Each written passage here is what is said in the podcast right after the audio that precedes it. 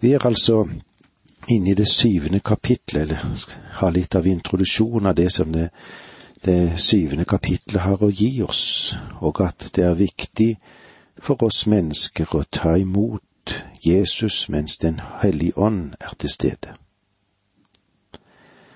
Som eh, vi har vært innom tidligere, så vet vi ikke om Den hellige ånd kommer til å forlate verden eller vår jord, men eh, det er blitt sagt at han vil ikke gjøre noen ting for å holde borte det som er vondt.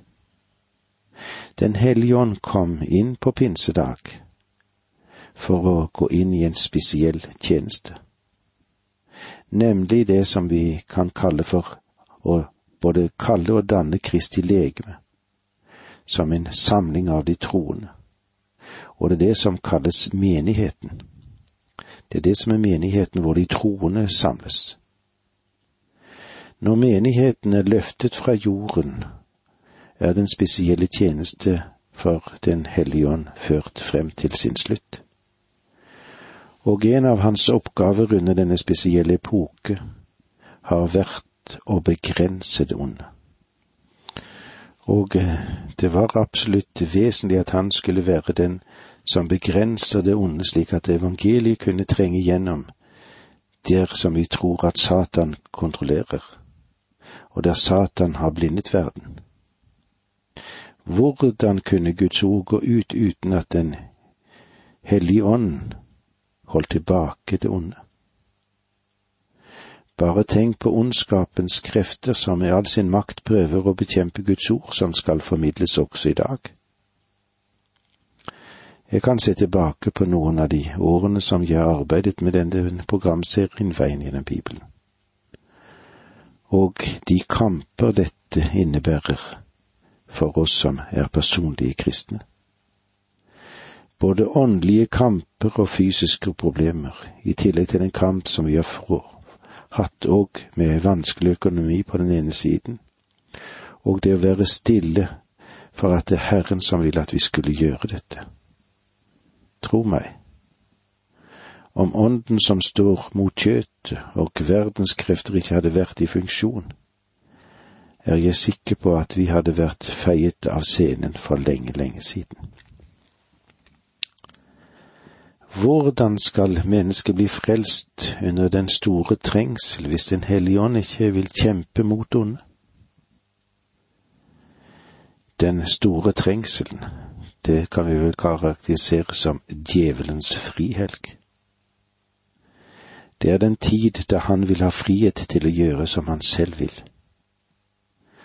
Og vi vil se hvorfor Gud tillater det. Det er en fase av Guds dom over en Kristus-fornektende verden. Blir det noen frelst under den store trengsel?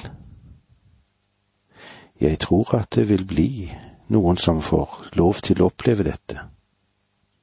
Flere vil bli frelst i den periode kanskje enn noen annen av de syv årsperioden som vi har i verdens historie. I kapittel sju så vil hun fortelle oss hvordan det vil skje. Den hellige ånd er i verden etter at menigheten er tatt bort, på samme måte som vi har hatt Den hellige ånd før i verden før første pinsedag. Og leser du Det gamle testamentet, så vil du se at Guds ånd virker i mennesk og kvinners hjerter. Store grupper ble ført til Gud, men han begrenset ikke det onde i verden, og han døpte ikke de troen inn i menighetens legeme i Det gamle testamentet. Det er det han gjør i dag. Men den tjenesten vil ta slutt. Men han vil fremdeles være i funksjon for å føre menn og kvinner til Kristus. Den hellige ånd kan like lite som Faderens og Sønnen stride mot sin karakter. Hans karakter har vært og vil være alltid dette å levendegjøre Kristus for folket. Han vil fortsette sin tjeneste som alltid, og det er å ta for seg Guds skapninger og rense dem. Det sies helt i Bibelens begynnelse. Guds ånd svevet over vannet, som det står i første Mosebok 1.2. Guds ånd svever over, eller ruger over, som det heter mer presist. Han ruger over gjennom jorden òg i dag, og han har gjort det fra begynnelsen. Og han vil fortsette å gjøre dette også etter at menigheten er hentet fra jorden. Han vil være i denne epoken og uh, ha en spesiell oppgave. Og Johannes vil fortelle oss hva denne oppgaven er, og hva dette Guds program går ut på. Grunnen til mellomspillet Grunnen til mellomspillet mellom sjette og sjuende seil møter vi i de første tre versene i kapittel syv. Men det første verset. Deretter så jeg fire engler som sto ved jordens fire hjørner og holdt jordens fire vinder tilbake, så det ikke skulle blåse noen vind på jorden eller over havet eller mot trærne. Deretter, deretter, det henviser til den veldige dom vi møtte i det foregående kapittel, den som angikk de fire rytterne. Gjennom disse rytterne som springer frem, tror jeg at vi har fått et fugleperspektiv av den store trengselen. Vi har fått et oversiktsbilde. Og nå vil vi få flere detaljer. Deretter så jeg fire engler som sto ved jordens fire hjørner. Det angir himmelretningene, det. Nord, syd, øst og vest. Dette er de fire hjørner, og disse blir kontrollert av fire engler som kun beveger seg på Herrens ordre. Og holdt jordens fire vinder tilbake, så det ikke skulle blåse noen vind på jorden eller over havet eller mot trærne. Dette vil være dommens vinner. Gud bruker vind i dom, og han kontrollerer vinden. I Salme 148, 8 så står det slik. Ild og hagl, snø og skodde, du storm som etter Hans ord i verk. Dommens vinner skal nå holdes tilbake. Intet kan bevege seg før Gud når sin hensikt og hva skal hans hensikt da være?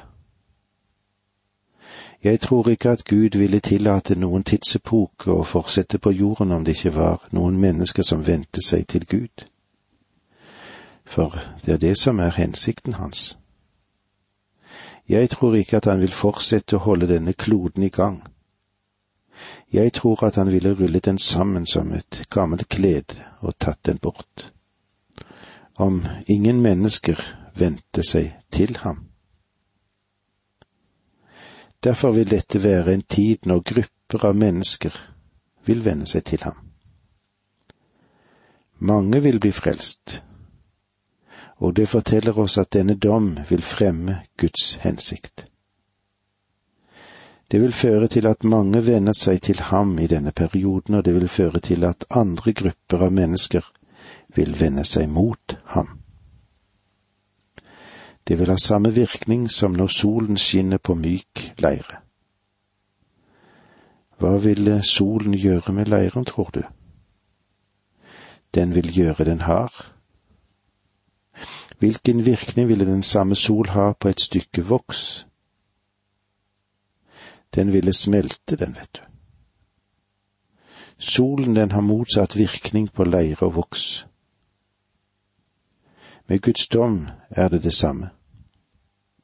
I våre liv som troende når vanskelighetene kommer til oss, og det har sikkert du opplevd i ditt liv, og jeg har fått oppleve det i mitt liv, så vil det enten dra oss til Gud, eller drive oss bort fra ham. Vi trenger å bli dratt til ham, og han bruker alle midler for å oppnå det. Vi kan ikke forklare hver liten detalj i dette kapitlet. I det minste så makter ikke jeg å gjøre det.